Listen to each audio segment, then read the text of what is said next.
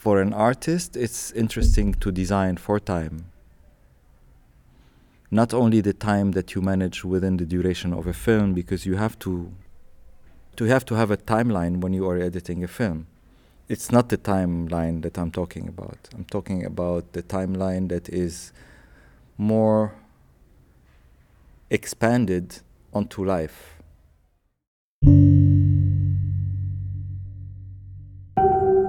Fons.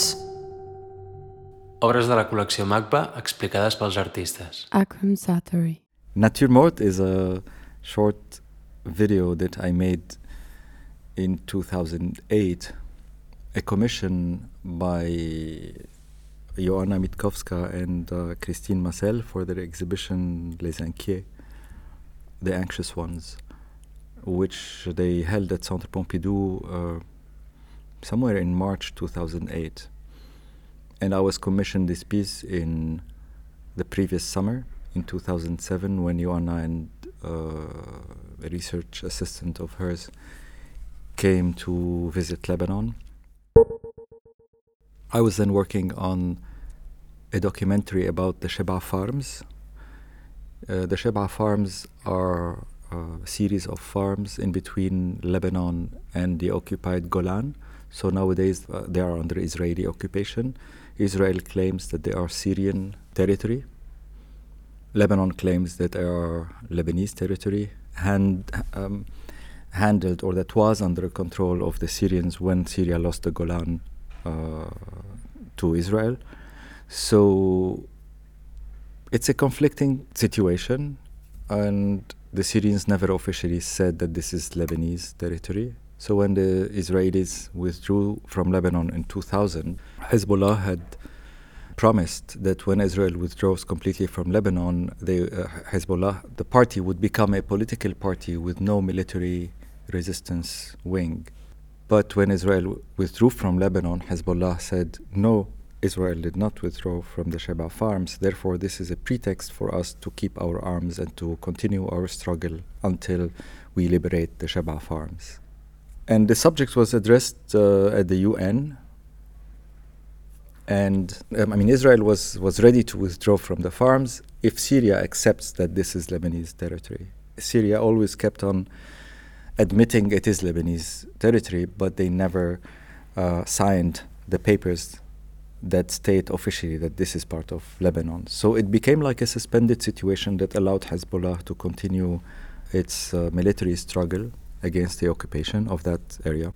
And I was going back and forth to South Lebanon because I, I cannot go in uh, uh, into that occupied area. I was going around it and driving by it, collecting the testimonies of people who lived in the farms and who could tell me how they left. Because what's interesting is that this area was occupied in uh, 1968 but then in 1978, when Israel invaded Lebanon, the South Lebanon, and later in 82 when it invaded further, all the farmers who were born in that in those farms were now again under occupation, so they could go to their farms until 2000. So they were deprived in the first years from going to the farms, but after 78, almost half of the country was occupied by Israel, they, start, they were able to go back to their farms, and in 2000 they were deprived of those farms again.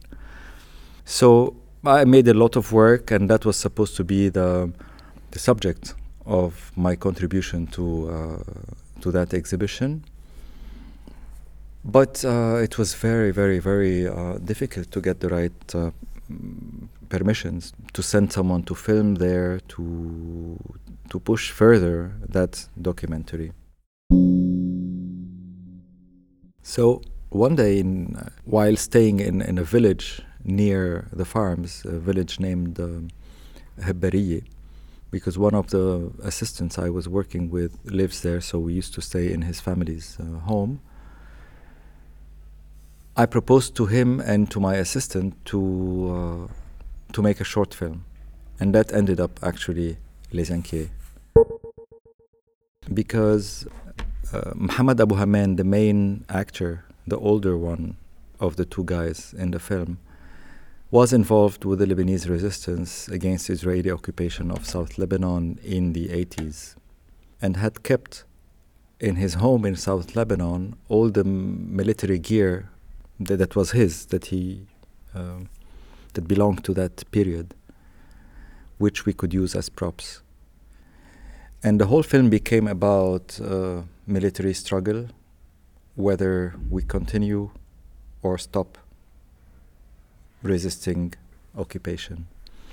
And this is why you see two people busy at night preparing for uh, a military action. You don't know exactly what is it. And in the end, one of them decides not to leave. So one of them stays, and one of them leaves alone to the mountain with his gear.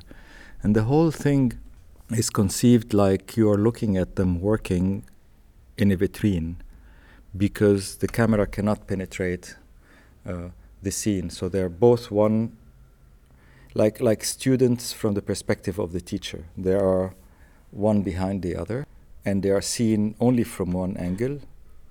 The camera doesn't penetrate in between them uh, until the end, until the last uh, film. And I wanted to preserve that, uh, that bubble like a, like a sculpture that you cannot penetrate. So you only see uh, close ups or general shots of them working.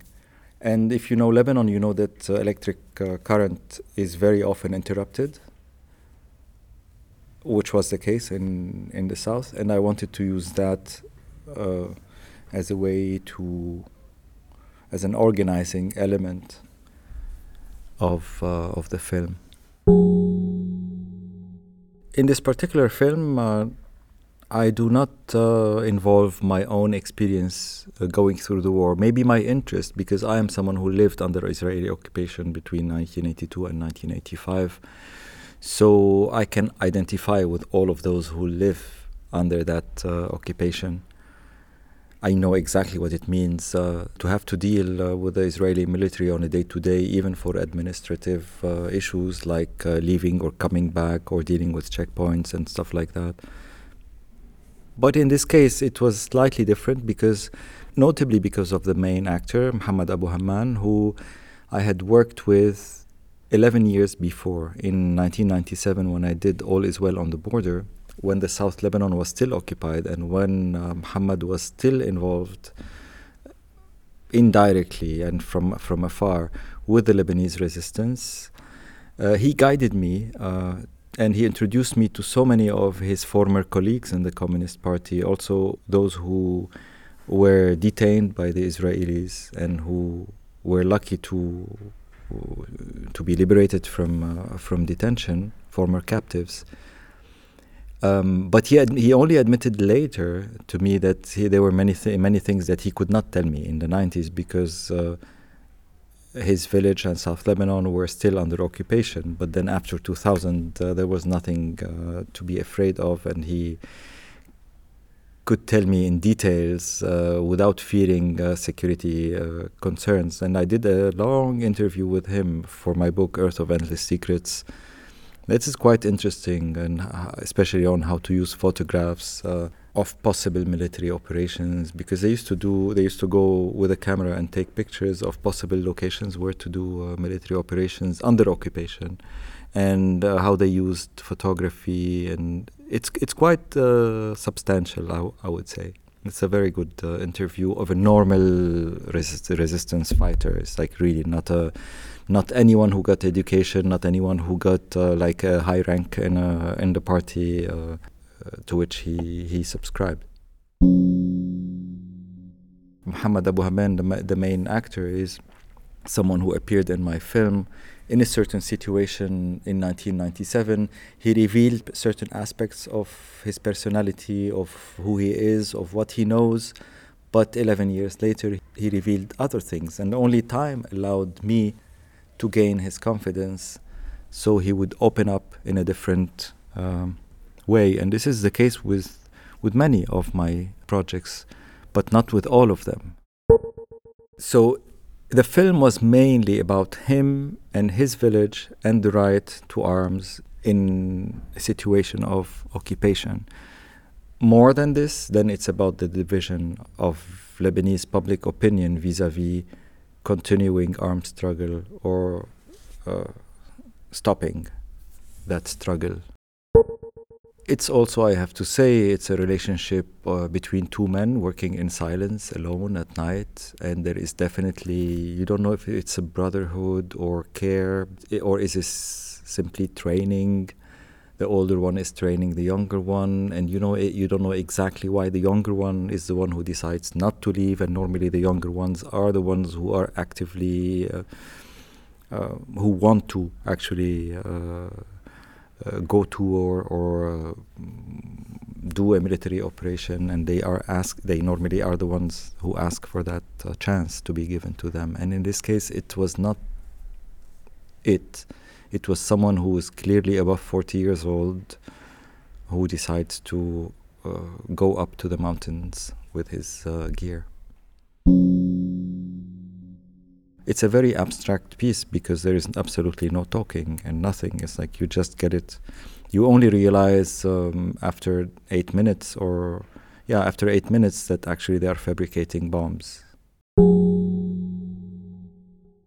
As a kid, you are fascinated with any signs of active older man with a. Mm, with a masculine um, leader, let's say. Boy Scouts, you admire who is who's your leader in, in, in Boy Scout. You admire the fireman. And if you have resistance fighter around you, you are definitely gonna love them and admire them. So it's the same, yeah, it's the same idea of like having someone to look up um, to, and it's a whole generation thing. Each artist of my generation has to keep on reminding everybody that history of the Lebanon Republic stops at with independence because after that it's a subject uh, of conflict. We did not agree on writing one history. But this is not necessarily negative, by the way. I mean, I think this is why the realm of writing history has been taken away from official history, from official textbook into alternative forms, like Elias Khoury, for example, the Lebanese novelist, uh, uh, has written his own history through novels. Uh, artists also in Lebanon of my generation uh, contributed uh, a lot to the writing of that history indirectly through artwork. I, I have to say that a high percentage of the art public don't like to be confronted with ideas that are related to fighting the Israeli occupation. They, they are, it disturbs them a little bit. They cannot uh, buy it and show it to friends, and they cannot buy a picture of a, of, of, of a, of a resistance fighter and, and put it in their salon or and I indirectly I, I got a lot of uh, reactions through my galleries saying uh, oh, is Akram with uh, with the Lebanese resistance? Because it's also it's it's a class thing too. Also because the ones it's the poor ones who end up actually fighting with the Lebanese resistance, uh, and I don't think I met a collector in Lebanon who sympathizes with that cause. But it's not talked about. It's really like uh, whispering in in in, in salons.